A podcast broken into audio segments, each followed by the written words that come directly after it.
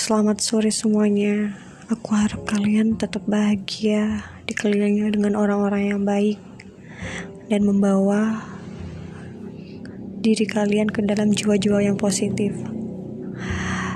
Pernah gak sih kalian kayak udah ngerasa deket sama someone yang kalian anggap deket, kalian anggap temen, karena pernah seperjuangan, pernah berjuang bareng kayak gitu tiba-tiba kayak kalian ngerasa kayak dikecewain gitu. Pernah gak sih? Apa aku cuma aku doang yang ngerasain itu?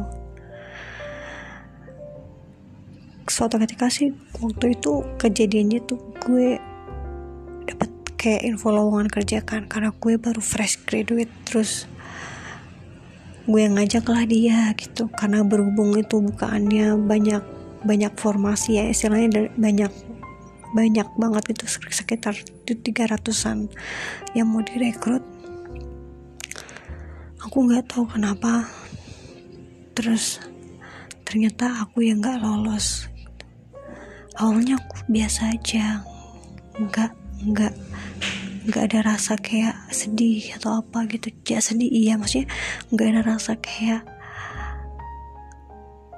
iri atau apa gitu. Nggak ada sama sekali tapi selang sekejap selang pengumuman itu dia tuh nggak pernah ada kabar sampai aku aku nemuin hasil final dari seleksi itu. Dan aku nemuin nama dia dan dia nggak ada omongan sama sekali.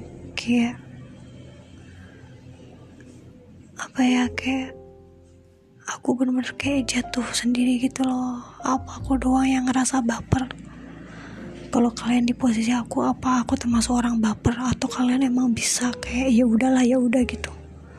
Kasih tahu aku. Soalnya aku bener-bener kalau udah nganggep orang deket tuh aku kayak all the best I do for her gitu. Kayak aku mau ngelakuin yang terbaik buat orang yang aku anggap orang deket aku.